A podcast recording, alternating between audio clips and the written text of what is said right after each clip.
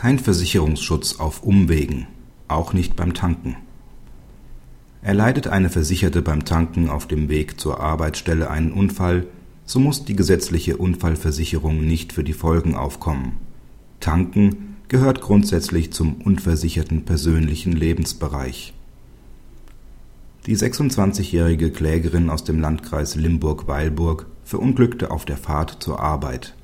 Sie hatte nicht den direkten Weg zu ihrer Arbeitsstätte gewählt, vielmehr war sie bis zur nächsten Ortschaft in Gegenrichtung gefahren, um an der dort zur frühen Morgenstunde bereits geöffneten Tankstelle zu tanken.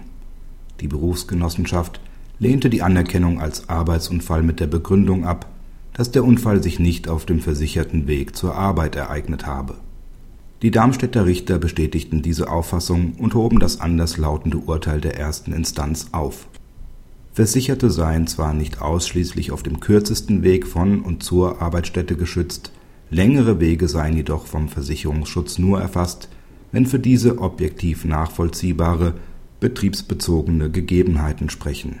Hiervon sei auszugehen, wenn eine verkehrstechnisch schlechte Strecke umgangen oder eine weniger verkehrsreiche bzw. schneller befahrbare Straße genutzt werde solche Gründe konnten die Richter für den erheblichen Umweg der verunglückten Produktionshelferin nicht erkennen.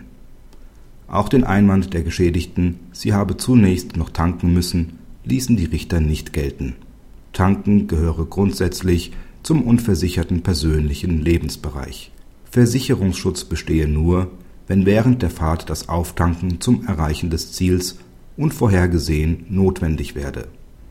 Die Klägerin hingegen hätte ihre nur 18 Kilometer entfernte Arbeitsstätte problemlos erreichen können, da bei Fahrtantritt der Reservebereich noch nicht angebrochen gewesen sei